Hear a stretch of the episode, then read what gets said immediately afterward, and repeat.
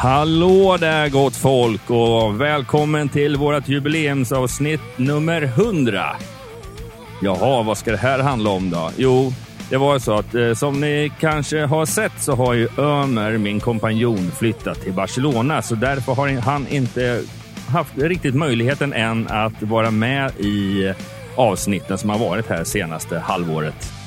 Men han var hemma här för några veckor sedan och då passade vi på att sitta och eh, prata lite om hur är det att eh, fortsätta att driva skivbolag trots att man själv har flyttat utomlands. Dispots har ju haft lite roliga kampanjer här på senaste tiden, bland annat någonting som har med Greta Thunborg att göra.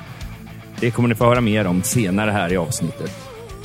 Och sen så kommer vi såklart prata lite om eh, de här hundra avsnitten vi har släppt. Och eh, det har ju faktiskt också gått exakt fem år sedan vi släppte vårt avsnitt nummer ett. Vi är såklart jätteglada för att ni följer oss på sociala medier som Facebook och Instagram. Fortsätt med det och fortsätt gärna sprida podden till era vänner och deras vänner.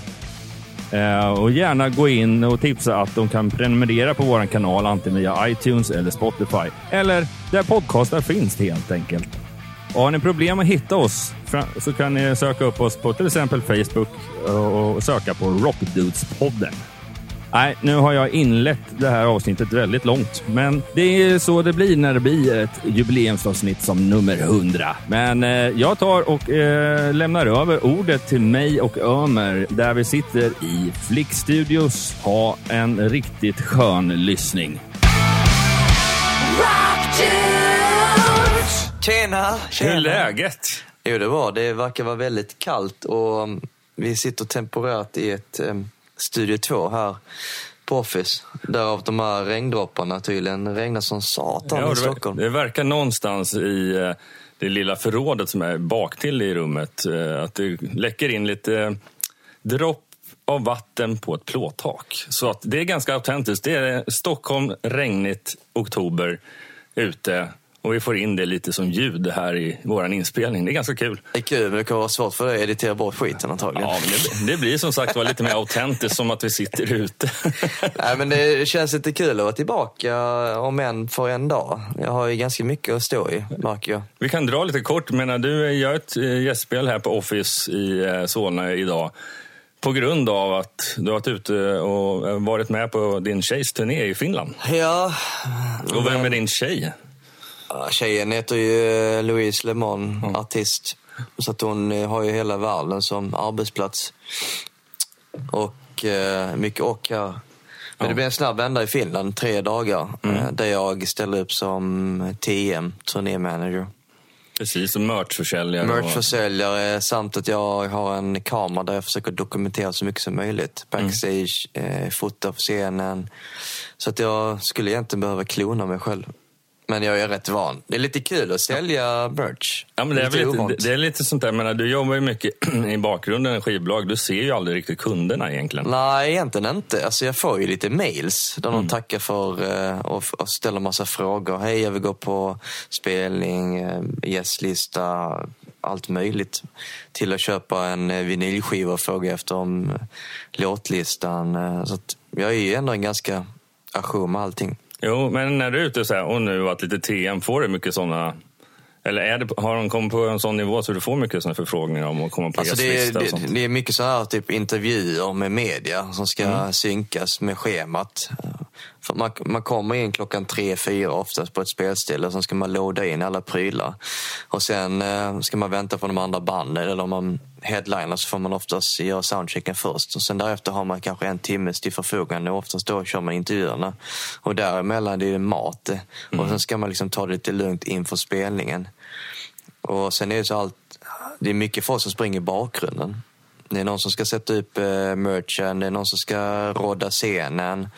Och sen därefter när allting är klart så ska man ju rodda ner allting. Då har man ju en viss tid när spelstället stängs. Ska prylarna vara kvar?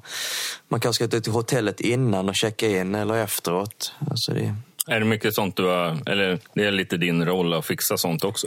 Ja, det mesta flyter på ju. Mm. De är ju så pass eh, rutinerade så att de vet ju liksom ibland missar man lite smågrejer och ibland behöver man någon som säger till. Men ibland behöver jag också vara vad heter det, svarta fåret som eh, är mellan fanset och artisten och ska signera skivan. Nej, men nu kommer någon annan, nu har du fått dina fem minuter. För att alla måste ju få sin lilla tid. Mm. Ibland finns Och sen får man tänka på att det är en miljö med berusade människor. Alkohol.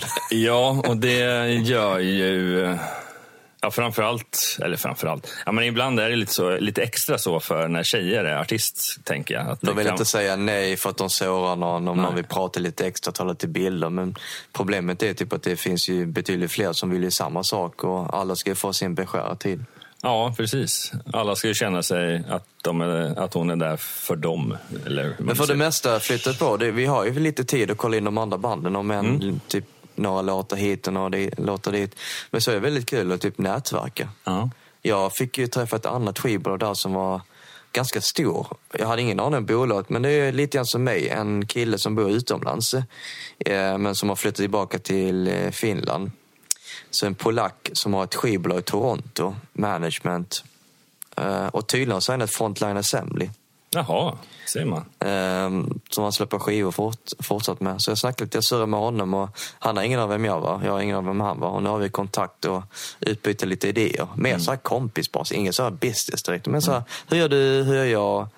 Ja, men det måste väl ändå vara, jag menar, ni har ju startat eh, Dispots, ja, do it yourself liksom. Ingen som har lärt upp er innan riktigt. Hålla vägen. Ja, precis. Och då är det alltid kul att bolla med externt folk också, tänker jag. Eller? Jo, men det är det. Alltså, det finns allt, vår bransch är alltid nyskapande och nytänk. Det är förändring. Så jag, har, jag, inser och erkänner lite grann att jag, det tekniska aspekten är jag lite så bakom flötet. Men jag har en kollega som gillar allt det här nya, tjänster som kommer ut med mm. allt på online, hur vi kan maximera våra artisters eh, musik och så här. Så jag försöker hålla igång. Men men apropå, men apropå att vara polack och bo i Kanada och driva skivbolag och sådär. Liksom nu, ni har ju hållit på i 12 år, hade, vi, hade ni en fest för här nyligen. 12-årsjubileum hade vi nyligen. Ja. ja. Och för ett halvår sedan, eller sagt nästan så vi träffades för typ 10 år sedan, nej men 8, 9. Ja. Har ju du alltid pratat om att bo utomlands och jobba. New York var, drö, var planen och drömmen. Ja. I och för sig inte kört, men eh, jag tweakade lite grann. Ja, nu för ett halvår sedan så tog du och Louise, artisten, och stack till Barcelona.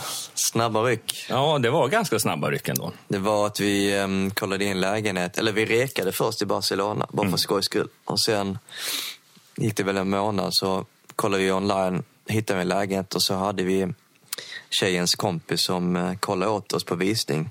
Och sen därefter vi signerade pappern så var vi bara till flytta efter två veckor. Ja, för det gick ju väldigt snabbt från signing till... Fast vi hade ju planerat ganska långt innan. Om mm. det skulle ske så har vi liksom löst allting. Dels tänkte jag så här typ med jobbet och lite annat och flytt och... Ja, för grejen var att ni skulle egentligen flyttat en månad ish tidigare ja. än vad det var planerat. Ja. För att till och med jag skulle komma och hälsa på och kolla på Metallica och lite sådana grejer. Ja, det föll lite dumt till ja. för att eh, annars skulle jag jättegärna gå på spelning också i, i Barcelona. För vi hade en gemensam vän som var TM för uh, förbandet på Casa. Så vi kunde kommit in och hängt lite grann där Ja, exakt. Om man vill det. Mm. Jag är inget stort Metallica-fan, men jag vet om att det är en ganska stor grej för dig. Men du var ju där och det hade vi rätt trevligt här för mig. Ja, absolut. Vi var ju både på Madrid och Barcelona. Och Madrid där, det var ju tack vare polare som har varit med backstage Metallica sedan eh, 90-talet. Så vi hängde lite i den här Family and Friends-baren, fri sprit eh, och sådär. Liksom. Men sen var vi ute på, eh, ute på arenan och kollade på gigget sen såklart. Men jag missade däremot Bokassa och Ghost första dagen. Eh, tack vare att vi stod och hängde med massa folk där bak. Ja. Det var rätt trevligt. Men däremot, i och med att jag visste att jag skulle till Barcelona dagen efter så då visste man, ja men då passar jag på att kolla på Bokassa och Ghost då. Så, Barcelona, Barcelona är en väldigt härlig stad, men Barcelona och Madrid skiljer sig ganska mycket. Um, oh ja, det på alla sån... sätt och vis. Verkligen. Det enda, enda som var fördelen i... Uh, nu hade inte vi det behovet i Barcelona i och med att jag bodde på ett hotell och sen var ju arenan var ju gamla Olympiastadion och det är uppför berget. Vi tog väl taxi dit och gick hem tror jag eller något sånt där. Men det var ju att i Madrid, i Spanien och Uber, taxibolaget, det är ju ingen stor hit där utan de stängs ju ner till, till och från. Men i Madrid så funkar Uber jättebra. I Barcelona finns inte alls. Nej, det fanns ju ingen av de här. Fast taxi är väldigt eh, billigt. Det finns någon liknande... Cabify fanns Ja, men jag har inte använt det. Men det är, det är ganska billigt att åka taxi annars i vanliga fall. Jag ska inte säga att det kostar så himla mycket mer än vad en Uber-resa kostar i Sverige. Barcelona där vi bor är ju, um, alltså det är klart att det, priserna, hyrorna har gått upp med 20-25 procent de senaste tre åren. Men allting annat därefter är ju billigt. Mm. Så ölen är billig, kostar ett par euro, så maten är förvånansvärt billigt. Jag tror vi sänkt vår matkost med en tredjedel. Allt, alltså, ett- å andra sidan Mm. så äter vi väldigt god mat. Vi går till matmarknaden och köper allt det färskaste. Jag är fem Nej. minuter ut. Men är det, käkar ni mest ute på restaurang? Nej, eller? det gör vi. Vi lagar Nej. väldigt mycket mat hemma också. Men det är, det är väldigt bra hög klass på restaurangerna för en billig peng. Så att det är till och med att man kan käka en dagens trerätters med dessert på lunchen för typ 120 spänn. Och då får man väldigt fina rätt, små Ja, rätter. men då är det samma som här i Stockholm ungefär. Liksom. Det är inte någon större skillnad. Så att- Lunchmässigt i alla fall. Anledningen varför jag flyttade egentligen var ju på grund av vädret. Inte nödvändigtvis att jag skulle starta ett kontor. Alltså? Men eh, nu när man är där så tänkte jag om lite grann. Typ, istället för att jobba hemifrån så startade jag faktiskt ett litet eh, kontor i en coworking space fem minuter där jag bor. Oh, shit, det var så pass nära alltså? Ja, jag håller till i Born, hipsterkvarteret. Ja. Eh, om, om man säger så här, jag är gatan framför Picasso-museet. Jaha. Ja, det är ju Så väldigt... säger nu ganska mycket ändå. En lång eh, gata ner till, ja, ner till stråk. Lite som Drottninggatan fast jag är på andra sidan innan det börjar. Så där trivs jag jättebra. Ehm, lite New York, på tal om att jag skulle flytta till New York. Lägenheten är faktiskt New York-inspirerad. Med tegelväggar Ja, de få bilder jag sett där kan jag hålla med om det. Du trivs jättebra. Vi har, det här är lite absurt. Jag vill inte liksom skryta om det. Så. Men vi har fem balkonger. Fem balkonger. Som Det är är- ju mer än i varje väderstreck det. Jo, eh, var fyra vi inte använder för det är mot, eh, man ser huset bredvid. Ah. Ja, men vi har en som är mot gatan så vi sitter på kvällarna och käkar eh, kvällsmat. Det är jävligt mysigt att se folk som går runt. Då sitter ni mitt i festlivet ute, eller? Ja, det, är, det är en liten, alltså det är inte värsta festgatan, det är det Nej. inte. Men det finns betydligt värre gator än så. ja, ja. Absolut. Så vi, eh, tanken är typ att vi eh, ska vi bo där ett år, sen får vi se om vi stannar kvar. Vi lär ju inte komma tillbaka till Sverige i alla fall, det tror jag inte. Nej, du har ju pratat om att det kanske blir USA, fast kanske inte New York, kanske LA. Alltså det finns lite drömmar och Drömmen är ju tankar ett LA-kontor eh, och det kommer komma förr eller senare. Och det kommer komma ett New York-kontor också för att, i och med att företaget expanderar. Ehm, men det behövs vi ägarna på plats för att kunna starta upp allting. Ja, man måste ju ändå ha, även om ni har konsulter eller anställda eller vad man nu säger eh, på plats så måste man ändå, det är alltid skönt i och med att det är som tidsdifferens just till den delen av världen. Absolut. Så är det mycket bättre att sitta på plats och dessutom så blir kontoret lite mer 24-7 också. Sen tänker man typ varför eh, Spanien? Det finns många förklaringar egentligen. Eh, Vädret. Vädret är en grej, men om man kollar jobbmässigt så spanska, Latinamerika är en ganska stor marknad. Alltså lyckas man i Spanien så spiller över därefter.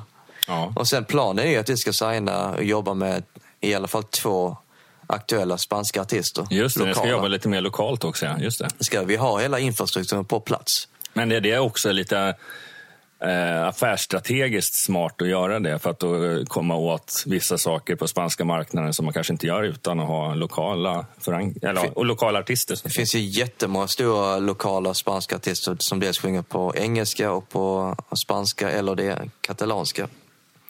Men de kommer aldrig utanför Spanien för det finns inget så här skivbolag. Vi kan öppna upp den marknaden utanför Spanien. Men då vill vi ha hemmamarknaden också givetvis. Så, och då tänker man så att vi kan investera lika mycket men ändå få kanske mer resultat utanför Spanien. Ja. Eh, Så planen är två artister i höst och jag kollar lite grann på det. Vilka ska bli, men det blir inga nya. Utan blir eh, väldigt stora, etablerade. Men jag menar generellt för svenska artister som lite lyckas utanför Sveriges gränser är ju ändå Tyskland såklart. Men Spanien börjar ändå vara en ganska stor marknad om man kollar på livesidan framförallt. Spanien har alltid varit, alltså, det roliga är typ att alla banden vi jobbar med eller mindre kommer till Spanien och spelar mm. förr eller senare. Och det är oftast så det är inte bara en eller två, tre städer som är i Sverige, utan det är så här typ 10-12 datum. Mm. Och det är ju så här, ja men de typiska är ju typ huvudstaden Madrid, sen är det. Barcelona, sen är det Ibiza och sen är det ju några till Valencia.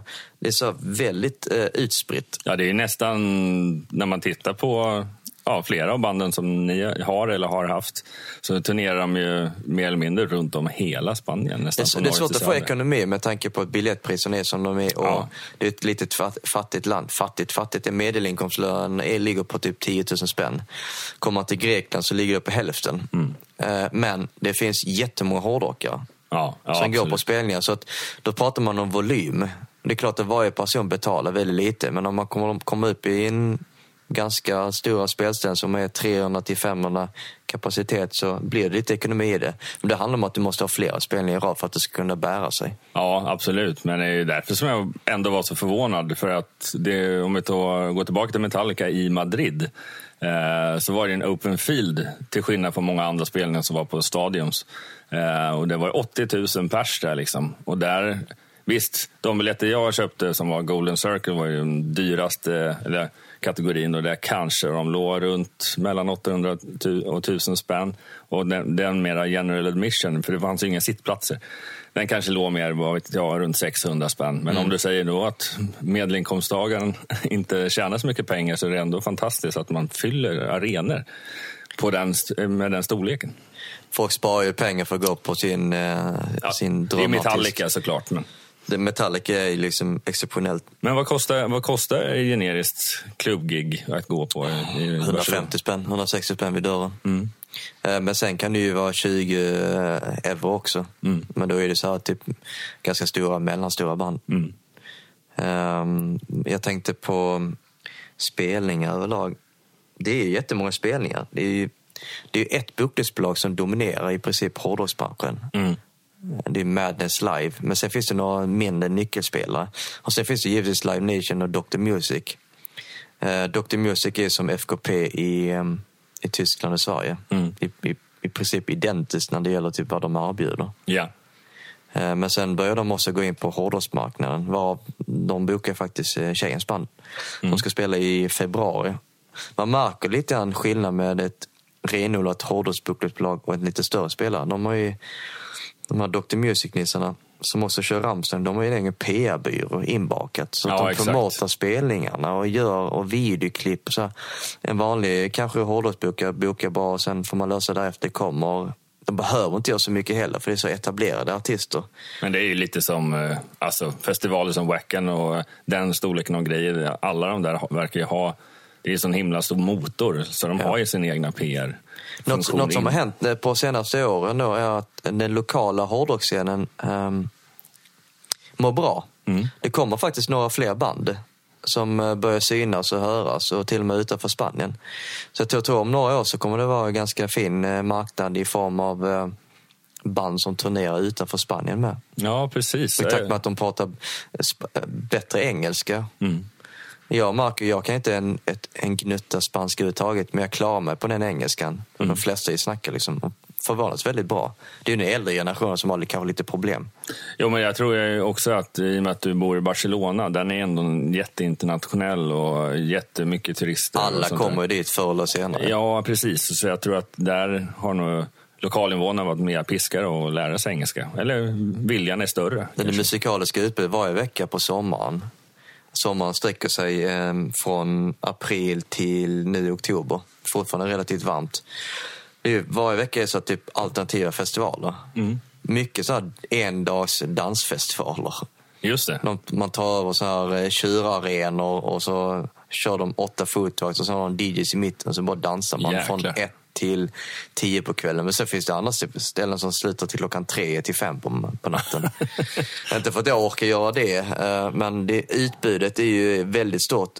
Men det är inte den lokala publiken som går hit alla gånger, utan det är ju, de förlitar sig på att folk, turister, åker in ja, och, går, och väl är där på plats. Men fan, jag ska gå på den här grejen.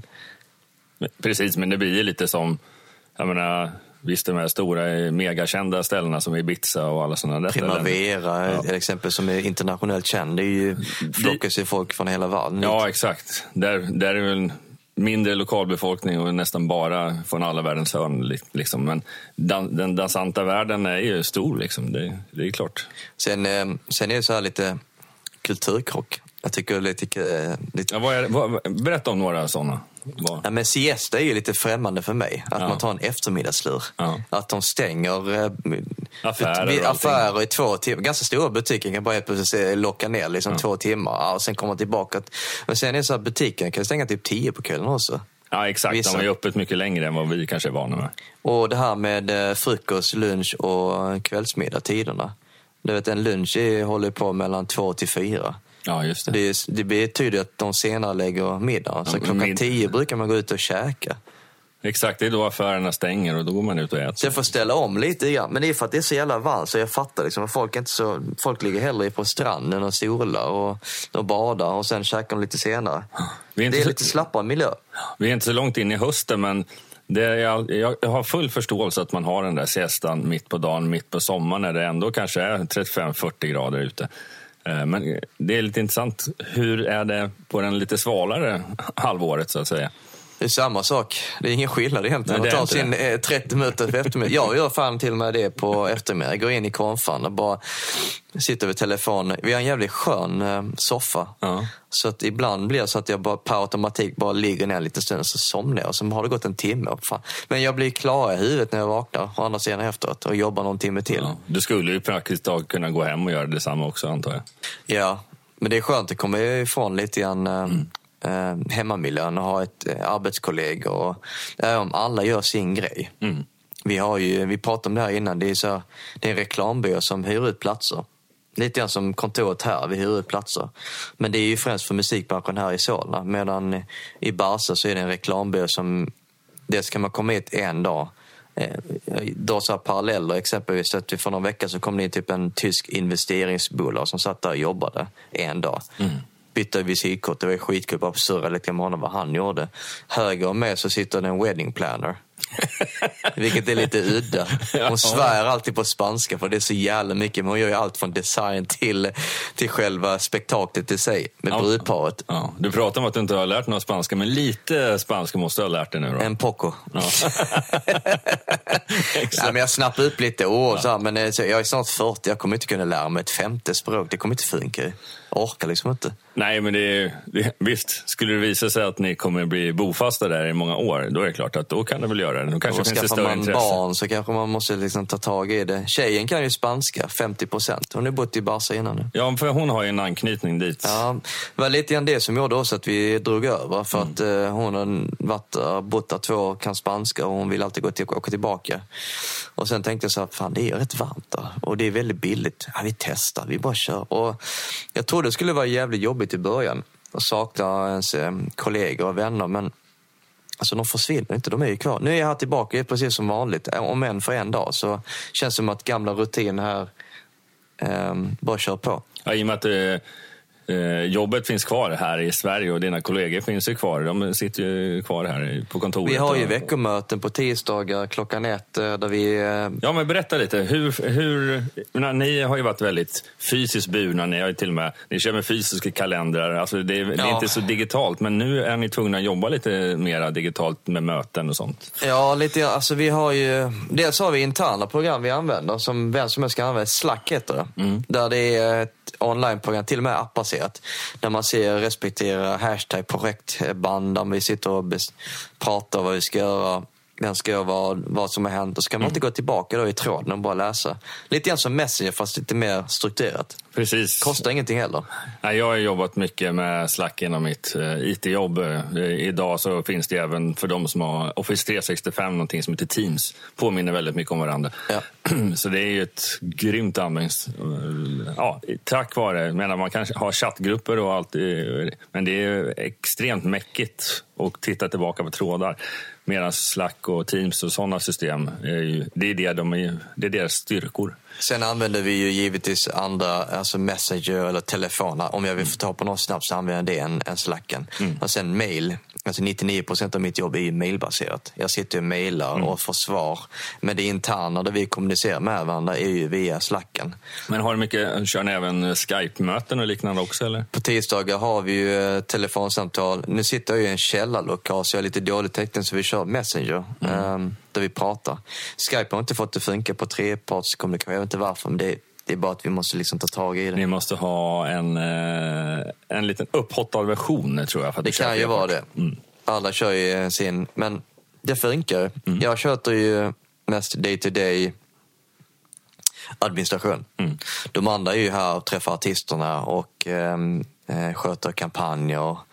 Ehm, jag brukar säga typ att jag ser till så att eh, företaget eh, håller sig flytande. Alla pengarna går via mig in och ut så jag har stenkoll på som Men du, du sköter ju mycket ekonomin och det är en del papper och sådana saker. Funkar det bra ändå trots att du inte är här eller? Ja, det funkar ju. Alltså egentligen ska man ju ha ett program. Ja, ni, Folk man, kan ju, man, man kan ju digitalisera fakturor Ja, också. och signera allting. Men jag är old school, vilket jag alltid varit. Så att jag lägger allting i mappar i en pärm och sen flyger jag hem och jobbar någon dag och sen lämnar till ekonomen. Här är allting, vilket jag har idag också, en månadspärm. Så här är allt klart, fixat. Ehm, jag är en papperskille. Jag tycker det är skönare att hålla och se och en så här, Visst, mycket är online. Musiken är online och allting, men det handlar mer typ att jag är van vid det. Jag tycker det är skönare. Jag, vill, jag sen är jag så lite så trög. Jag gillar liksom inte att förnya mig. Jag sitter med en gammal telefon. IPhone konservativ. 7, nej, iPhone 6 och svär om att den är se- seg. Men sen vill jag inte... Det är inte pengar det handlar om att jag ska köpa en iPhone 10 eller en 11 eller vad fan det är. Alltså, Mm. Pengarna finns ju, givetvis. Det handlar mer typ att det är så jävla tråkigt att bara lära sig nya grejer. Ja, men det är det som är fint. Du har ändå valt iPhone. Det händer inget nytt. Det ser likadant ut. Den är det Fått en kamera nu, den- men det är den- flytta över prylar och så backa ut. Det är så jävla tråkigt.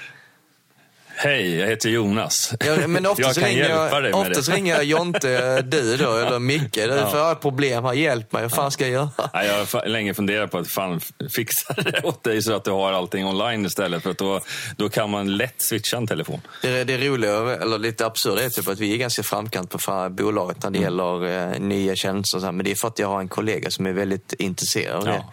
Jag personligen gör det jag är bra på och han gör det han är bra på. Så att då- Ja, det ni, blir är, ni är yin och yang på alla möjliga sätt, så det är jättebra. Sen har vi ju folk eh, i bakgrunden. Eh, Ida hjälper till jättemycket här. Det är den enda personen vi har som Ja, hon, har mer ju, eller mindre är heltidare. hon har ju lyfts upp lite med lite mer ansvar nu, vad jag har förstått. I, Vi har ju konsulter.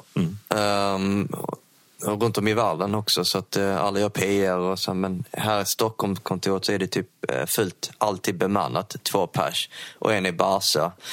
och sen har vi en praktikant till som vi håller på att lära upp. Och tanken är typ att eh, inom ett halvår så är vi fyra i, eh, ja, tre i Stockholm och så jag i Barcelona. Men jag ska också ha en person till som jag ska lära upp, är planen. I och med att vi signar lite lokala artister så kommer det vara någon som sköter Barca-kontoret åt oss. Ja, du måste sen- ju nästan ha någon som kan spanska flytande också. Ja, men det är ett krav. Det är, givetvis. Det är mycket lättare. Och sen eh, när det väl är klart efter ett år eller två så, flyttar vi förmodligen till USA och startar upp en liten hubb där också. Och sen där kan- kopierar vi samma Du grej. kanske borde lära dig spanska. Spanska i LA, det är ju, det är ju typ Väldigt stort. second native lan- language. Liksom. Tyskan fick jag lära mig istället i plugget sex år. Ja. Men nu efterhand så önskar jag kanske att jag lärde mig spanska. Samma här. Jag har, jo, jag hade faktiskt eh, under IT-karriären så hade jag en period ganska... Ja, jag var ju fortfarande ja, 25 kanske. Liksom. Då, då är enda gången jag har praktiserat tyska utanför skolan. Liksom. Sprechen Sie Deutsch? Ja, ein bisschen. idag skulle jag, jag, oh, jag... Genom att lyssna på när folk pratar tyska, då kan jag hjälpligt förstå vad de säger. Liksom. Tänker du wunderbar? annars, har man, annars kan man ju bara det som Rammstein skrålar ut genom Du hast, hörluren. du hast. Exakt. Eller Ausländer och Deutschland. Deutschland! Ja, men har du varit på några kul gig då i Barcelona än så länge? Det enda minnesvärda som, är, som jag kan skryta om, som jag tycker fortfarande är kul, som är ett av topp fem spelningar i år, det var ändå Totos 40-årsjubileum. Oj, ja det måste vara fett. Alltså ingen stor Toto-fan, men jag kan ju låtarna. Afrika och... Ja, du och jag DJat en del ihop. Och... Det är alltid den låten vi kör. Det är obligatorisk eh, DJ-set den här låten. Vi avslutar alltid med ABBA, Dancing Queen. Det kan man inte tro. Du DJ på festen, tre timmar, det Ja, det, det, blev, det blev övertid deluxe. Men det var kul. Det var, Alla andra gick hem från eh, skivbolaget, men eh, vi var kvar. Eh. Ja, men det var, ju framförallt, det kom, du, vi snackade om att du skulle DJ en timme och, och e- efter just en timme då försvann ju all, alla som var på eran fest. Eh, och då tänkte jag, ja men nu är det väl bara att packa ihop. Men sen är plötsligt började väl, eller välla in, vad vi att säga. Men nu- det var en DJ i Brooklyn Bar också samtidigt. Och det, vi, det blev lätt, nästan som att det småbattlades eh, inofficiellt. Ja, det tycker jag. Så folk gick ju fram och tillbaka. Alltså, jag är en medelmåtta DJ, jag gör det väldigt sällan. Men jag tycker Ja, det är kul ibland att spela. Nej, fakt- vill jag gärna förbereda mig innan. Jag jag hade lite ont om tid kände jag. Ja.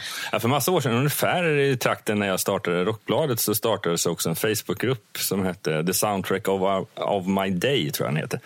Eh, det bara helt vanliga människor som, som eh, grupperar sig. Det var kanske från början kanske 100 pers eh, runt om i Sverige. Eh, Finns var- den kvar då? Ja, den, den, den utvecklades, och det är tusentals människor i den här gruppen idag, eh, och till att de hade, för de har framförallt en kille, han som är typ eh, äger gruppen, eller vad vi ska kalla det, som heter Fredrik. Eh, han är storebrorsa till en gammal klasskamrat till mig nere från Småland. Men de har ju styrt upp lite festivaler nere i Hu- Hultsfred, alltså så små festivaler nere på hotellet där nere. Men det var bara en get together med alla människor som finns med i den här gruppen och snackar musik. Och, Jaha. och nu har de tydligen öppnat upp så att de ska köra som en något som heter Cosmopolite. Eller Polite. Säkert. Ja. Där ska de eh, eh, köra en gång i månaden. Så, att, Ja. så där har man blivit inbjuden. Och kanske, för de spelar ju väldigt... Jag skulle säga att rock finns. Ska du Men det- spela där då framöver? Eller? Ja, men jag sa det, vill ni ha lite rockkväll någon gång så kan jag gärna ställa upp. liksom. Pyntar de också då? Ja, det någonting? vet jag inte, men det gör jag för höga eh, nöjets skull i sånt fall. Jag funderar faktiskt om jag skulle eh, DJ lite grann bara för skojs skull för att komma igång med det igen. Och Egentligen handlar det bara om att spela bra låtar. Den tekniken, vad fan, det är jätteenkelt. Fila ut, fila ut. Det är, det är, så kom- det är inte det komplicerat. Ja, man, ska, man ska ju ha en, en setlist som man är jävligt nöjd med själv. Ja. Men sen ska man ju blanda det, man var lite lyhörd. För det var det som var lite speciellt på er fest nu senast. Det var, att det var ju, ja, kanske inte jättemånga olika människor, men det, de var ju fem, sex stycken som kom fram och önskade ju sjukt mycket låtar. Massa request, eller? Ja, och det blev ju... Det gjorde ju också att en del av deras låtar blev populära och drog till sig mer folk. Vi kör ju mycket hits. Vi kör Ja, mycket ja. klassisk 60, 70, 80-tals hits. Ja, ja. Alltså. Det är ju det folk vill höra. Liksom. Framförallt den här mainstream-publiken. Jag vet, vi, det finns ju massa hårdrocksbarer i Barcelona. Den ena heter Hell, Hell Awaits. Säkert döpt efter en Slayer-låt. Mm. De kör bara extrem metal. Fan, det blir så jävla tröttsamt i längden bara höra så här malande. alltså bara, fan kan ni spela någonting annat? Men det är ju deras grej och jag fattar, det funkar jättebra. Men det är så här, det går inte liksom knappt prata någonting. Nej, man går dit och kanske är där en timme, så får man gå till nästa ställe. Ja, lite grann så. Men det är ju, funkar, men det är, finns gott om ställen. Absolut. Ja, och- det är ju kul att sådana ställen finns, ska man ju säga. För att de som gillar extrem, lite mer extrem musik, det, finns ju, det, är, inte en överrepresentation av sådana ställen. Nej. I alla fall inte här i Stockholm finns det inte överhuvudtaget. Liksom. Ja, mycket har hänt sen jag åkte iväg tydligen. Jag har hört att det är en massa spelställen som har konkat eller lagt ner på grund av olika... Inte konkat, det är fel ordval. Utan politikerna har bestämt för att det är större grannarna. Så att Ja, det finns ingen scen längre. Men jag gjorde nog rätt i att dra för att i Spanien verkar finnas jävla scen. Vår vän eller konkurrent eller vad man vill, Rockpodden gjorde faktiskt ganska intressant avsnitt om, om detta. Där han intervjuar både politiker och, och berörda ställen och hit och dit. Eh, det är en ganska, det är en jävla synd att en sån debatt överhuvudtaget ska behöva finnas, men eh, det är trist. Man kan ju alltid sitta här och, och eh, rent hypotetiskt tänka ut varför de specifika ställena var tvungna att läggas ner. Alla, alla ställen har inte en gemensam nämnare alltid, utan att de har olika skäl. Eh, men det blev väldigt många på en gång. Eh, och en hel del handlade om att grannar klagar. Det vill säga att förmodligen dessutom ganska nyinflyttade grannar. Och att deras röst ska bli så ja, uppmärksammad så att man lägger ner ställen. Det, det är väl det som är uppmärkning. Förmodligen de välbärgade som bor i, mitt i stan som har råd att Ja, det är, det, tjafsa. det, det, är- det är så man tror i varje fall. Men apropå, jag pratade lite om att ett skivbolag har en årlig firning. Alltså eh, den här podden. Tänk dig, fem år sedan så startade vi igång den Fan, det fem år sedan. Du har ju tagit över ganska mycket för att eh, jag har ju tyvärr, eller tyvärr inte, men Ja, men du har ju flyttat. jag har ju det- flyttat så det du har tagit några eh, själv avsnitt eh, med berömda gäster. Ja. Men eh, det kommer framöver nu en... eh, Ja, vi ska fixa lite eh, grejer så att... eh, Vi tackar For Sun för konken för att vi ska köpa lite prylar så, med lite mickar så jag kan börja intervjua folk på eh, distans med dig. Ja, för jag har Så ju tur tid- oturen. Jag har ju tittat på system för att för några år sedan då, då var det bara Skype. Och Skype, ja det är helt okej men eh, det, det blir inte samma sak som vi sitter och spelar in här och nu. Men det finns ju faktiskt online-system som specifikt för just podcast ska vara med nästan broadcast-kvalitet. Liksom. Så det är klart att tv och sånt där, de sitter ju och sänder med högsta kvalitet och, och radio likaså. Liksom. Lite häftiga artister från Spanien, inte bara musiker Ja, men- så här, kulturarbetare och så kommer också. Ja, men vi vill ha, det vore lite kul att känna Barcelona lite på pulsen också. Det är, alltså det är en annan puls. Det är ju, vi har lite um, lugnare tempo, Mm. tycker jag, än här. Det är lite manjana manjana. Ja, det är lite, men de är ändå jävligt eh, effektiva och Mm. arbetsamma och de gör ganska mycket. Men när de väl är lediga så väljer de att nj- njuta rejält. Ja, alltså typ att det är till och med folk inom höga befattningar. Så. Sen är det så att det röka på är lagligt och odla är lagligt också. Mm. Hemmabruke. Så att de- det är ganska många flum med också. ja, inte för att jag röker weed eller någonting, men eh, det är ju väldigt så accepterat.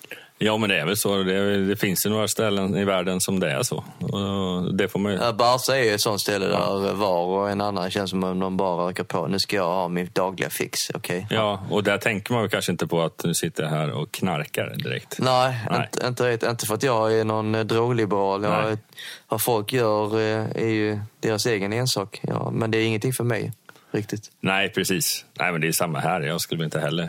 Om jag skulle flytta till Barcelona skulle inte jag helt plötsligt bli en flummare. Liksom. Nej, men eh, det är lätt att man eh, trillar dit eh, om man har gjort det innan och sen bara helt stopp. Och så, jag har ju fått jättemånga förfrågningar. Alltså var, varannan gång man går på gatan, går på gatan, Nej, men du vet, när man går på butiker så kommer någon coffee shop, coffee, ska du ha någonting? Så, och, visst, det kostar inte så mycket, men fan, det är jävligt mycket shady. Det enda nackdelen jag måste säga är angående eh, Spanien och Barcelona i sig, är att eh, kriminalitet Ja. extremt hög. Jag har eh, Ja, du har ju sett... pratat eh, om utan, till och med utanför Alltså lägenheten. precis utanför mig har jag blivit nästan rånad två gånger. Mm. Den ena gången var ju, nu såg jag ut som en dum jävla turist. Att jag gick med en picknickkorg och en kudde vid vardera arm. Mm. Och i sandaler och shorts mot parken som är fem minuter från oss. Då ser tjejen som går framför mig, du det är en kille som närmar dig. Och då vänder mig vänster om. Då ser jag att han är jävligt nära mina fickor och Mm. bara försöker kolla om han kan komma åt dem. Och då har jag ju liksom, jag är ju smart, jag har ju liksom allting på framifrån, Mm. ingenting där bak. Och då fryser jag till och så bara går han förbi och så vänder han sig om, tittar på mig. Och så tittar jag på honom och säger att jag vet inte vad du ska... Och så log han lite grann. Mm. Ja, men det är så här, man får ju akta sig. De tar ju bara turister för att ta de här locals då kan de liksom ställa till det. Ja. För att turister kommer och sen drar de och sen är de borta med plånkan. De kommer liksom aldrig få tillbaka det. Men det är, det är ganska många snutar nu å andra sidan som har eh, fått reda på att det händer ganska mycket skit hos oss. Ja, jag tyckte i och för sig det var när jag var i Barcelona, nu var jag mest runt Ramblan och så. Liksom, men men eh, det är väldigt mycket patrullerande poliser Ja, det är det. det, är det. Ehm, USAs, uh, vad fan var det? Turistnärings eh, tjosan hejsan gick ut och varnade deras amerikanska medborgare för Barcelona att eh, kriminaliteten har ökat med 20-25 procent de senaste tre åren. Mm. Så att man ska akta sig.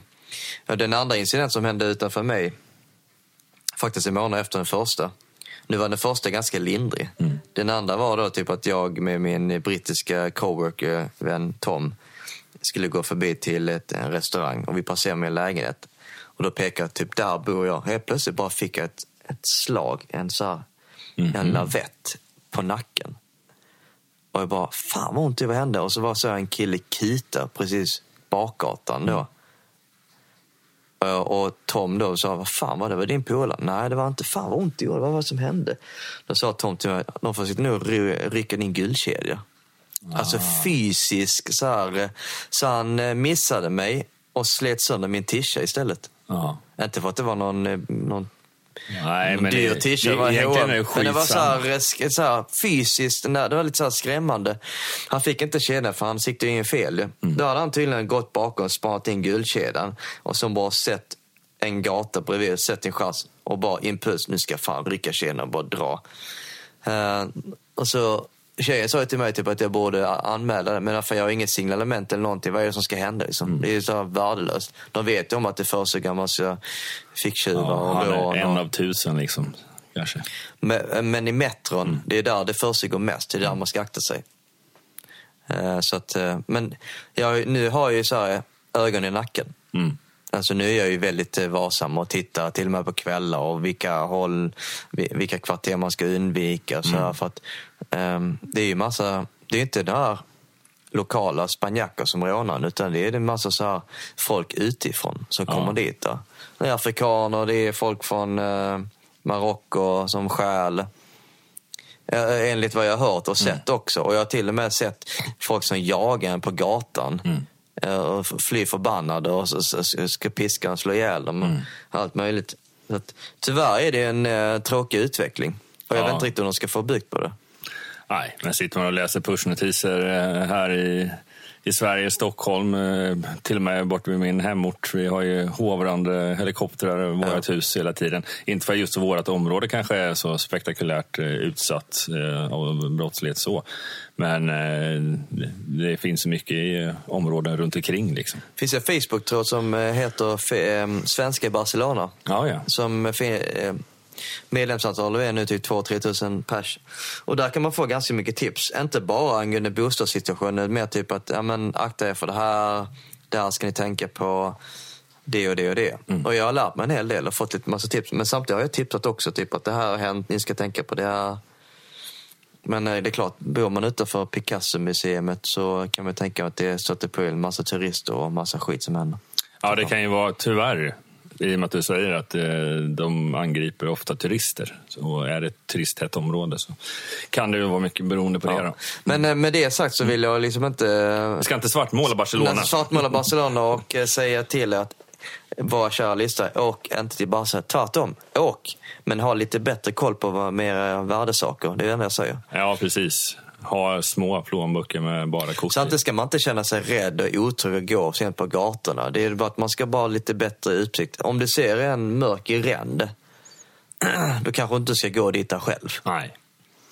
Nej, jag tänkte på, jag tänkte på här, jag, och jag berättade efter jag kom hem till min fru, eh, till Jessica, eh, att när jag gick ifrån Olympiastadion så gick vi en massa poler, men de skulle till ett annat håll. Så gick jag sista biten ner för den här backen ner mot, och jag bodde ju praktiskt taget, efter man kom ner från den där stora kullen där med Olympiastadion så var det väl kanske en minut till hotellet. Men jag gick ju på GPS där bara för att vara helt hundra.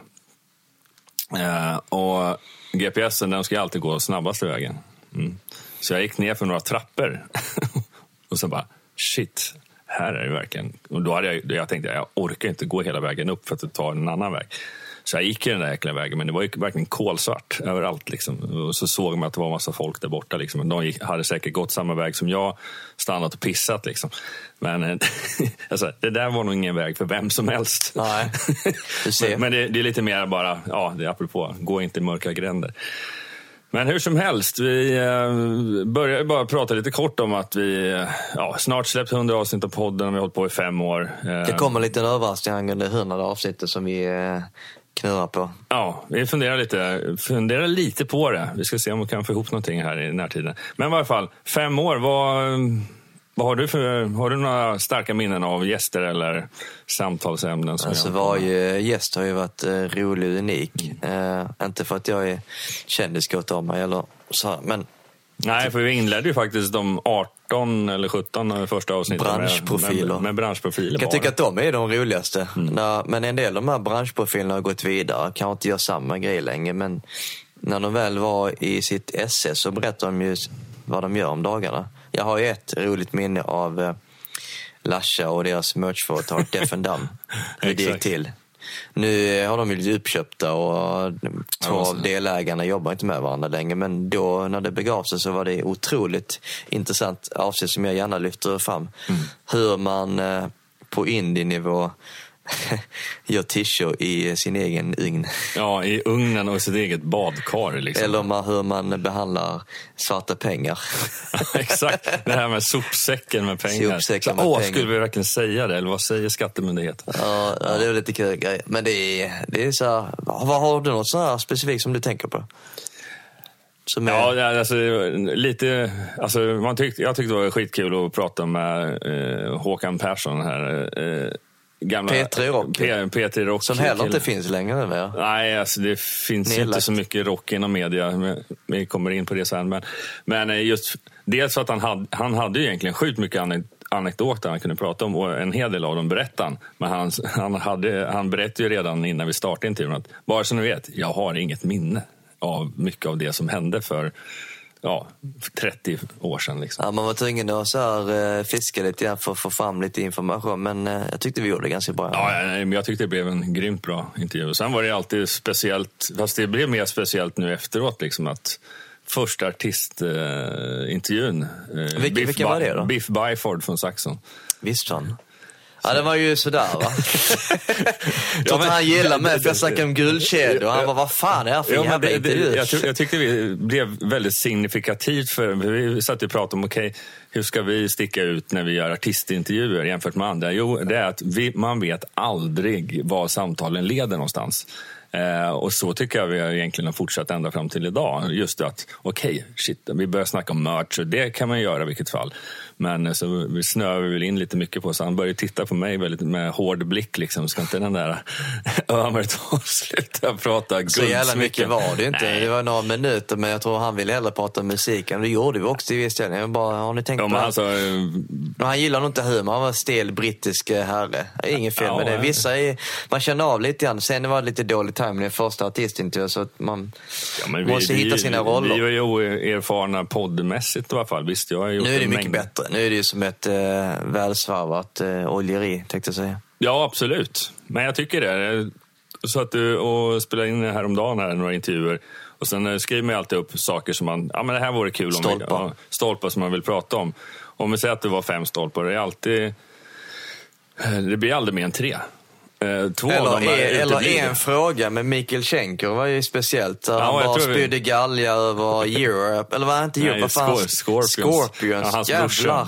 Då hade till och med PA-nissen förvarnat oss. Prata inte någonting om det. Jag vet inte hur vi kom in där, men det var en fråga istället och det bara eskalerade i över en timmes snack så att vi hann inte få en syl i vädret. Ja, jag tror vi sammanlagt när jag satt och redigerade avsnittet, det var eh, typ kanske fyra frågor vi hann att ställa. Ja, han ville verkligen få ut eh, sitt, sin megafon angående hur jävla dålig behandlad han var. Jag förstår det till all rätt, men jävlar vad han ältade. Han har på i 30 år om samma topic. Ja, men det blir ju nästan lite sådär så att, ja, jag vet inte om, Lite om tragiskt. PR-killen sa till oss att prata inte om det där. Det, det sa Ja, han han inte hade väl direkt. hintat oss lite. Jag försöker undvika det ämnet, men jag tänkte så att ja, men vi, klart vi ska prata lite grann om det, men inte hela jävla programmet. Ja, men det är som jag har pratat med eh, Bollnäs-Martin i Bandit när de har haft Slash i så här, så har ju de- deras management sagt ni får Guns. absolut inte prata om Guns N' Roses. Men det är så pass stor del av hela Slash historia att det känns så här Jo. tjänstefel att inte prata Men om det. det är alltid så att han börjar prata om det. Ja, så att de då är ju inte ens... deras fel. Nej. så, Vad fan? så, Vad är det för vits med att säga typ, prata inte om det om ni ändå kommer snacka om det i slutändan? ja, det är bara sådana här principsaker liksom. Ja. Ja, nej, men vi har gjort fantastiskt mycket. Men är, när man pratar med lite blandat folk så är det så att en sån där intervju som också är ett stort minne är egentligen eh, Carolina af Ugglas. Eh, Visst fan, ja, det har jag glömt bort. Det var jävligt minnesvärt. Var En ju, stark kvinna, väldigt eh, grymma åsikter faktiskt, måste jag säga. ja, grymma åsikter och eh, arbet, sånt jäkla bra flyt. Liksom, och, Men hon, hon var ju duktig på de flesta eh, fälten. Alltså Mm. musiker, eh, författare, skådis, Konst- konstnär. konstnär. Så det var ju en... Eh, vi skulle nog kunna fylla två timmars program med det där egentligen. Ja, absolut. Sen planen är kanske typ att man ska eventuellt senare efter fem år bjuda in samma gäst igen och se utvecklingen. Bara, men vad är det som har hänt då och nu. Exakt, och sen eh, sätta, lyssna in sig på avsnittet och dels fortsätta lite av trådar där och sen kan man ju prata om, det är som du säger, vissa eh, Många gånger, framförallt när det gäller vissa eh, akter, när man bara har 45 minuter på sig. Då är det ju extremt svårt att uh, få med allting. Så där finns det ju lätt ett avsnitt till. Liksom, Rockdudes-podden har ju aldrig varit något vinstdrivande syfte utan mer så här typ att försöka få ut lite information. Dels om vad, vilka vi är, ja. Men också lära sig lite grann. Och jag tror vi har lärt oss en hel del efter snart 100 avsnitt.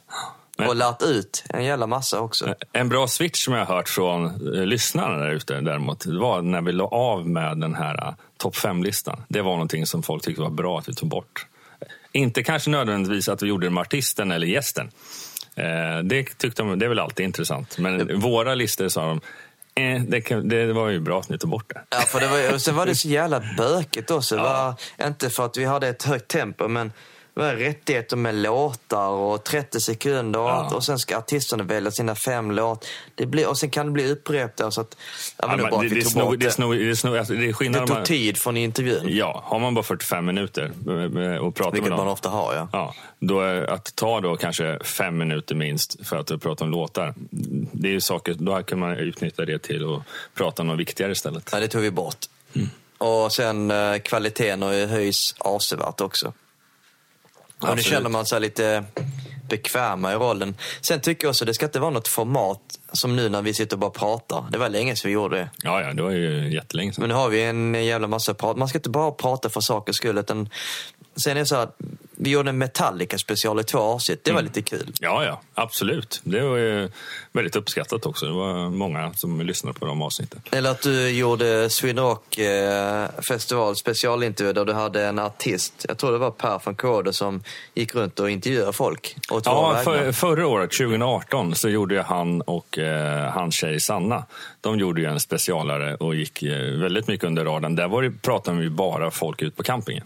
Det var, det var, det ännu, det var ju så här, ännu mer eh, lyckat. Eh, de kanske ska väl ta över våra roller tänkte jag. För det var en av våra mest, ja just då, mm. streamade avsnitt. Ja, vi skulle ju gjort en sån blandning i år, jag och Per.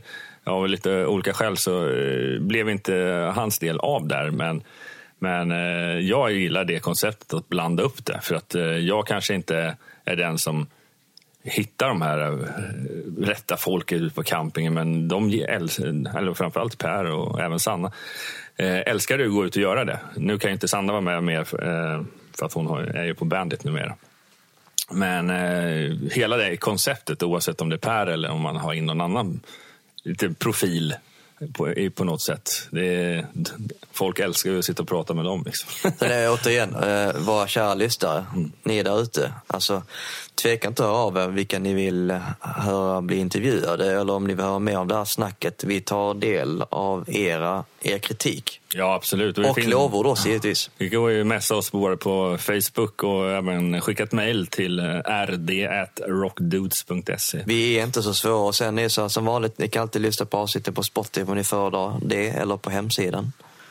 Vi är så pass flexibla så att vi har flera plattformar tänkte jag säga. Ja, alltså man kan ju alltid säga, vi finns där poddar finns. Och sen är det så här, jag tror skillnaden mellan oss och andra poddar är att vi, eh, dels pratar vi svenska, men så pratar vi engelska också. Beroende på ja, gäst vi har. Precis, vi blandar ju Precis. Antingen är det så att vi har en engelsk gäst, då blir hela avsnittet... Vi kan ju eh, engelska, det är en internationell podd. Mm. Vad fan. Och sen är det på svenska för så svenskarna lyssnar på oss. Det är så, så är det inte. Ja, ja. Nej, men det, det finns det... inget format, det finns ingen mall, utan det är bara... Gillar ni det ni hör, fortsätt lyssna. Mm. Gillar inte det, ja, men lyssna på något annat då. Rockpodden har hört ska tydligen vara väldigt bra. Så det kan vi ju tips absolut. om i sådana fall. Ja, men han, han, gör bra. han gör sin grej bra. Två helt olika saker bara. Ja, absolut. Och det finns ett gäng andra liknande poddar. Det finns ingen konkurrens. Jag tror mer typ att eh, det blir flera lyssnare. I takt med att Spotify också säger typ att vi är en eh, strömningstjänst. Vill man lyssna på musik så vill man göra det. Eller vill man lyssna på poddar så har vi det också. Och så, jag själv personligen, tyvärr av tidsbrist så lyssnar inte jag så himla mycket på poddar för det skulle ta mer fokus på själva musiken. Men det finns ju en hel del människor där ute som snöar in sig. Nu är vi i och för sig ganska nischade på musik, men det har aldrig varit planen. Vi har Nej, ju vi- vi- andra grejer också som vi, Vi, har haft. ju, hade, det inte varit, hade det varit så att du har varit kvar i Sverige, då hade vi fortsatt mycket mer på Film film, filmspåret. Liksom, vilket var också eh, Göran Lindström till exempel, den här makeup-artisten. Eh, också en jäkla intressant intervju. Alltså, eh, du är ju en eh, filmnörd av rang eh, såklart, men jag älskar ju att, att nörda ner mig i filmvärlden också. Det det blev också väldigt intressant och, med movie scene och allt. Ja, men vi börjar snart komma mot slut, men det är ju faktiskt, vi har ju pratat om, du är ju skivbolagsdirektör och det har du ju alltid varit. Och sen har du jobbat lite som tourmanager för din tjej. Ja, det där är mer välgörenhet. Och så har vi pratat precis om film. Eh, Älskar film. Men du har ju gått och blivit manager inom film. Vad har du berättat om det? Alltså det är ju en... eh, Fan, det är lite lustig grej. Det är så tillfällen. Jag har ju, jag är ju så vän med en, eh, en musiker som heter Sander Turian. Brittisk-svensk skådis. Men egentligen är han musiker i grund och botten. Men det verkar som hans acting har tagit fart. Så han har precis fått, eh, eller han har spelat in där för ett år sedan, en tv-serie på Amazon Prime, Carnival Row med Orlando Bloom Oj, ja. två roller där han spelar någon eh, karaktär som heter Puck. Och sen har han en, eh, har varit med i en roll i Atlantic Crossing som är den största norska eh, tv-seriesproduktion som också kommer ut. Så att folk fattar inte det, typ man spelar in och sen efter ett år så sänds allting. Och nu, Ja, Det, är- det är det som är den stora skillnaden. Ja. Eh, Musiker kan ju klaga på att de får vänta ett halvår på innan skivan släpps. Men, Nej, men alltså film, år. det Liksom. kan vara ett till två år. Marvel-filmer ska vi inte ens snacka hur lång tid det tar att släppa. Så att allting faller sig nu att det kommer ut samtidigt, vilket gör att det är, det är väldigt stora grejer. Mm. Vilket är jävligt kul. Men så har han också en, en tv-serie som han gjorde med i Tyskland, Shadows Play, med Michael Hall, alltså huvudskådis från Dexter. Jaha. Hans nya tv-serie. Så det börjar bubbla lite igen. Och jag fick förfrågan då om jag ville vara manager för honom. Mm. Han, du har ju varit lite mentor för honom tidigare. Men, va? inte mentor, men jag har ju hållit någon, någon kurs eh, som han har bjudit in mig och pratat om musikbranschen. Och det var ganska intressant. Så, så har jag hållit kontakten och sen så har han har ju följt mitt flöde, jag har följt honom och jag tycker det är skitkul. Och sen, men jag kan ju ingenting om själva den managementrollen. Jag vet hur det funkar på musikbranschen. Alltså åt andra hållet. För jag dealar ju med managers och de är en pain in the ass om jag ska vara ärlig. Men Så nu får det äntligen vara en pain in the ass andra tillbaka. hållet. Men jag har lärt mig att vara ödmjuk däremot. Och jag har sagt det så att jag kommer jobba röven av mig, ha det som prioritet utöver musiken som jag jobbar. Och jag kommer eh, skaka om för jag tänker lite annorlunda. Och jag kommer förmodligen resultera i att vi gör fantastiska grejer ihop. Eh, men bara så du är beredd. Jag kommer ju eh, göra lite konstiga grejer i början. Både bra och dåligt. Eh, nu har det bara varit bra grejer, tack och lov. Ja, men, eh, vi började sedan ett halvår tillbaka, faktiskt innan jag flyttade till Barcelona. Och satte upp lite riktlinjer hur vi skulle göra i samband med att allt det här skulle komma ut nu. Ehm, vi skulle ha en, eh, en agent i Norden. Ja, För han, hade, han har en agent som har jobbat med i Tyskland. Som i sin tur har lite jobb eh, i England och USA. Men han har eh, folk på banan. Caprice heter hon. Eh, I Tyskland då. Så han har fått lite roller då. Var de här då som har... Sen har han en massa tjänster som vi nyttjar eh, online. Inte statist.exe, men mycket mer raffinerat och eh, bra eh, tjänster som man betalar. Där man kan få ut så casting och och auditions och filmer som är ute i Europa så folk till och med filmbolagen använder. För att det är dels billig process men alla går inte via en castingbyrå. Nej. Majoriteten gör det mm. till viss del. Men hur som helst, så då fixar vi eh, en agent, eh, man- Kylspa Agency i Norden. Som jag för övrigt har möte ikväll. Eh, och det börjar bubbla på. Och näst på tur är en eh, agent i England. Sen har vi ju hela Europa täckt. Och sen därefter i USA. Men jag tror det kommer komma successivt och sakta. Ut bara försöka Är det bra att bygga ett CV även i Europa? För Alltså nu, nu har vi ett väldigt bra CV. Nu kommer ju rollerna där vi till och med tackar nej till vissa grejer. På grund av att rent ja, men strategiskt eller tidsmässigt så funkar inte för, för det här. Som eh, är bra för att bygga upp allting. Eh, jag tycker det är jävligt kul. Jag lägger ner eh, ganska många timmar i veckan där, vid sidan av mitt vakna dygn. utöver jobbet eh, på musiken. Det tar ju ganska mycket, men jag är flexibel, vilket är rätt skönt. Och jag kan ju åka var som helst och träffa de människorna och slå in lite dörrar. Och... Ytterligare kanske en liten fördel bara att du bor i Barcelona. Ja, för att vi har en, en, en stor grej som kommer att hända i Spanien mm. via mina musikkontakter faktiskt. Mm. Så att eh, det, redan där har vi märkt av att fan, det här trodde jag inte på grund av det. Så att det finns alltid ingångar, mm. även är musik. Men det roliga är typ att eh, Sander är så versatil när det gäller, dels, han är ju dels skådis mm. och det han livnär sig på. Men sen är han musiker också. Och han har ett band som heter Our Untold Story. Mm. Eh, som numera finns i London där han bor mm. och bosätter sig. Så att eh, där ska vi också jobba. Eh, han är, han är en sjukt sympatisk och eh, driven kille eh, som person. Liksom, så att, eh... Det är skitkul och sen har han ju samma passion som mig och mm. ständigt jobbar och, och hittar på nya idéer. Jag gillar den här kreativa ådan. Han är lite yngre än mig. Mm. Eh, men jag behöver yngre folk. Det sporrar mig lite grann. Ja, framförallt är det väl kanske en liten nytändning också. Jag, menar, jag ska inte säga att du tycker musikbranschen är tråkig på något sätt, men nej, nej, du har jobbat med den så länge så det kan ju vara lite men det, det är inte riktigt att uppfinna ekorrhjulet med musikbranschen alla gånger, utan man vet vad man ska... Det, det är större artister förvisso och större budgetar. Men tillvägagångssättet är ju detsamma. Mm. Hur man promotar och säljer musik och marknadsför. Exakt, det handlar om att paketera den på rätt Så det, det gör jag vid sidan av. Mm. Um, men utöver det så händer ju jävligt roliga grejer på ja, Inför, inför Despotsfesten här så... Så ser jag lite grann till de nära och kära ja. på jobbet och inklusive det, det här har vi på gång och det kommer att explodera om några dagar. Uh, vi ska börja den här festen först och så kommer ni se. Uh, och då visar sig, ja, hela bakgrundshistorien är ju Greta Thunberg har ingen missat ju. Nej, det kan 16-åriga miljöaktivisten som uh, har... Var på värsta FN... Eller, ja, FN, UN, UN speech. I New York där. Där hon numera har lagt ett berömt tal som till viss del förknippar med Martin Luther King. Ja. Enligt pressreleasen då, vad jag har läst och tagit del av. Ja. Nej, men eh, snabbt eh, viralt så kom det ut på Youtube en, eh, en tolkning av hennes eh, speech som var i två minuter.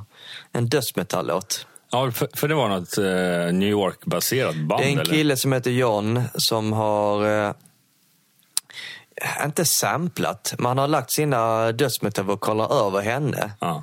Och sen spelat in musiken. Men hennes röst är med fortfarande? Fortfarande också. i bakgrunden. Ja, ja. Men det låter som att det är en distortad röst på henne. Ja, Men det är egentligen hans vokal som över henne då.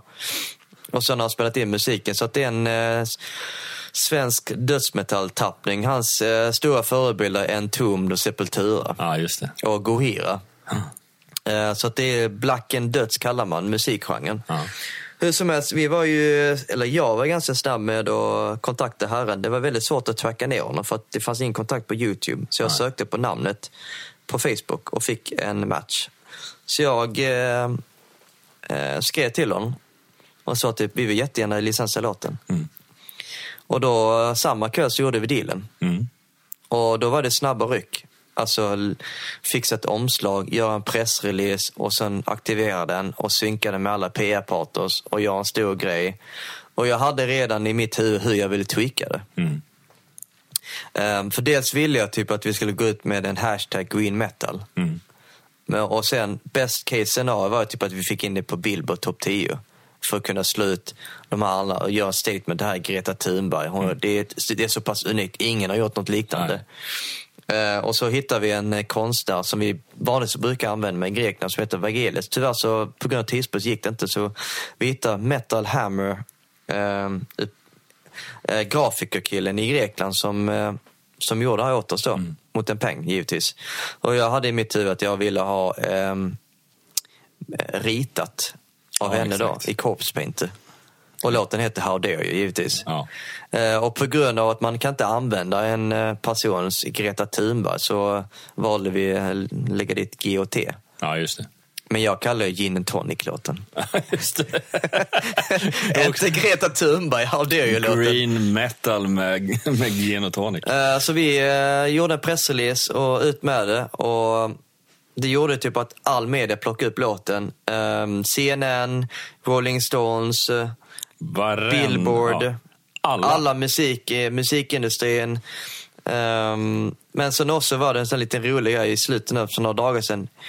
Um, Grammy Awards la upp en stänka om det. Ja, det såg jag att du delade. Så att, fan, tänk om Grammys har något eh, unikt pris så att hon vinner. Då har jag helt plötsligt en Grammy Award winner. Även om hon...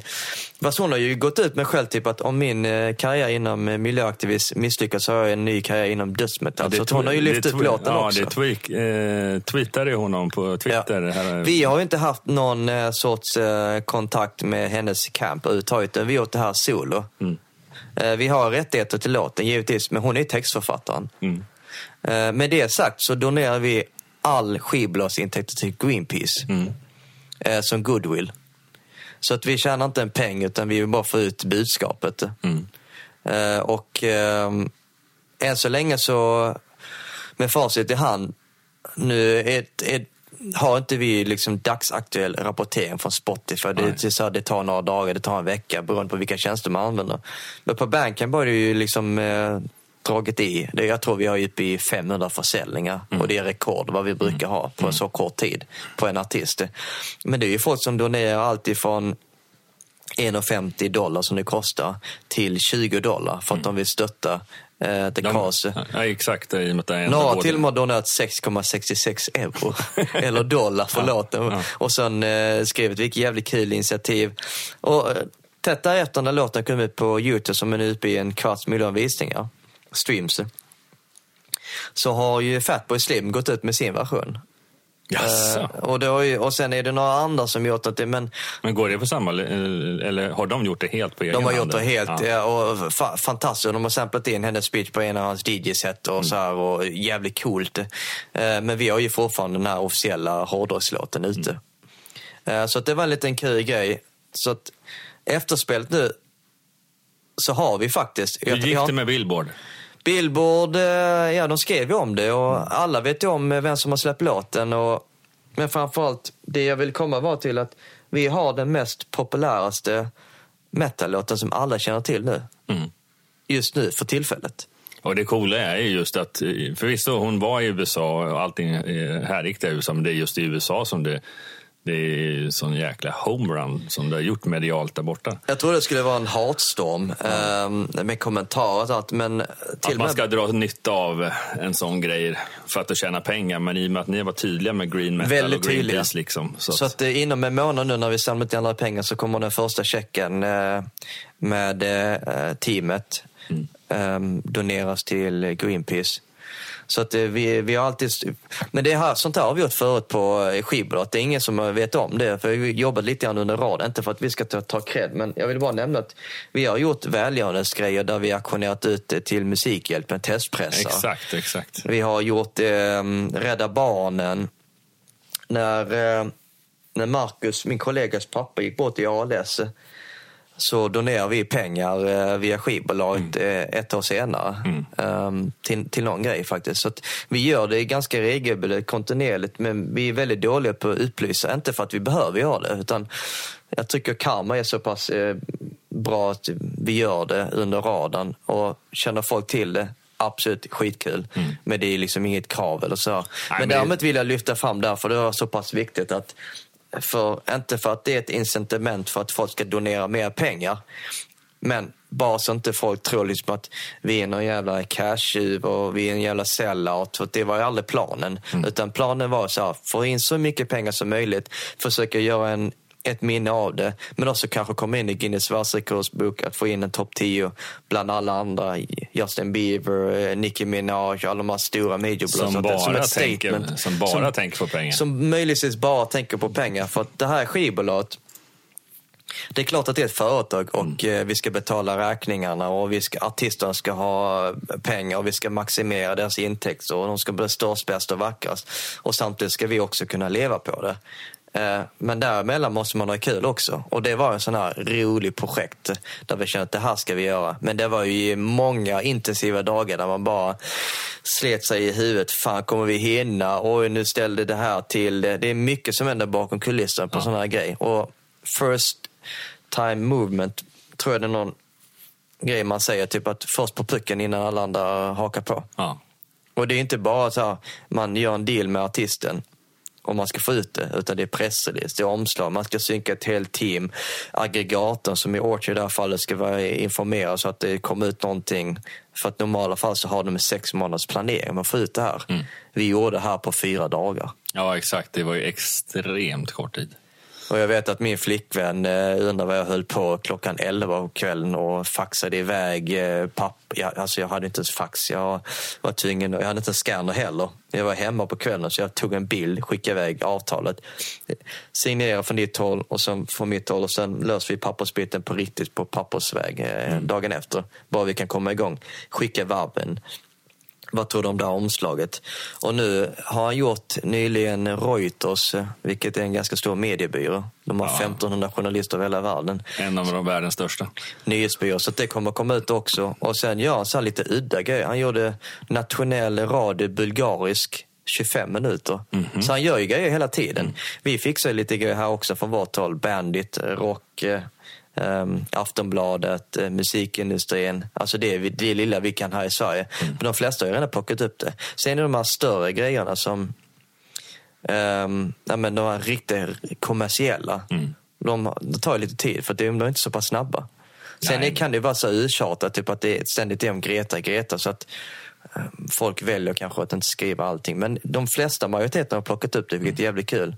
Och tyvärr så fick hon inte Nobelpriset. Nej, just det. Vi satt där och väntade in det sista. Sen, Fan, tänk om hon får det. Då vore en sån milstolpe. Mm. Jag har en artist. Jag kallar henne artist mm. för att det är vad hon är ju. Ja. Även om hon inte vill eh, veta om det, att hon Nej. skriver texten. För att det var ju liksom inte planerat. Så är hon ändå en, en Greta är en artist. Ja, ja men det är det. Och då kunde jag fått en Nobelprisvinnare och släppt en låt. Men eh, nu blev det någon annan någon etiopisk eh, herre som gjort jättebra ifrån sig. Ja, ja, Tyvärr så har jag blackout, vet inte vad. Man har ju förmedlat eh, peace mm. mellan inbördeskrig eller eh, mellan, mellan olika tribes. Tribes, så det. Mm. Så att han är ju definitivt värt det. Men eh, med det sagt så får vi se vad som händer. Det kanske finns eh, Grammy som eh, nästa år eller P3 eller eh, Rockbjörnen där man lyfter fram ett pris för Greta som artist. Det vore ju skitkul. Absolut. Folk som hör det här kanske tänker om och instiftar ett nytt pris. Exakt, det kommer, kan ju komma som alternativa pris om inte annat. Även om man inte vinner för årets bästa låt eller vad det nu kan vara för något. Liksom. Så det här är en av de här grejerna vi gjorde utöver de här 40-50 artister som vi representerar. Um, och släpper musik med. Så det kommer betydligt roliga grejer framöver nu. Um, ganska stora svenska lokala akter som vi har jobbat med ett halvår. Mm. Du känner till en del och jag kan tyvärr inte avse allting än, men uh, håll utkik och likaså podden här mm. kommer betydligt mer intressanta grejer framöver. Yes, absolut. Och så ska vi förhoppningsvis se om vi kan sy ihop någon uh, liten festlighet någon gång framöver också. Det kommer efter det här eh, har erat så har förmodligen festen redan kommit ut. Vem vet? Vem vet, ja. vi, vi håller tummarna. Vi håller tummarna. Ja. Och med det önskar jag er alla tittare, ta väl hand om er och eh, Lyssnare ha det kanske. Rock on! Jaha, gott folk. Tack för att ni har lyckats ta er igenom hela vårt jubileumsavsnitt nummer 100. Ja, det blir ju väldigt mycket snack om eh, både dåtid och nutid. det var riktigt kul att höra hur Ömer eh, pratar om hur det går att fortsätta att driva skivbolag trots att man har flyttat till ett annat land. Med dagens teknik så är inte det några större hinder. Men eh, ändå, grymt kul med den där death metal-låt av Greta Thunborgs tal. Nej, Gå in och kolla videon på Youtube eller varför inte lyssna på den på Spotify. Måste ändå passa på att alla ni eh, fantastiska lyssnare som har följt oss här under fem år hoppas på att det blir fem år till eller resten av livet eller vad det nu kan bli. Jag, jag och Ömer har haft eh, grymt kul hittills. Jag har inget annat att säga att jag tror att det kommer fortsätta. Vi har ett antal avsnitt redan inspelade så att eh, ett tag till får ni allt stå ut med oss. Gingen är inspelad av Jonas Hermansson, Peter Månsson och Mia Coolheart. Och det här avsnittet är inspelat och redigerat av Jonas Löv. Och avsnitt 101, ja, då ska vi faktiskt få träffa en eh, kille från Göteborg. Ja, det kommer också bli ett intressant avsnitt, det kan jag lova. Det blev eh, ganska mycket djupdykning om eh, business inom musikbranschen. Men killen är artist också, så det var ju såklart fokus på det. Vem nu den här artisten kan vara? Ja, det får du ju reda på om du följer oss på sociala medier. Men fram tills dess... Rock on! Rock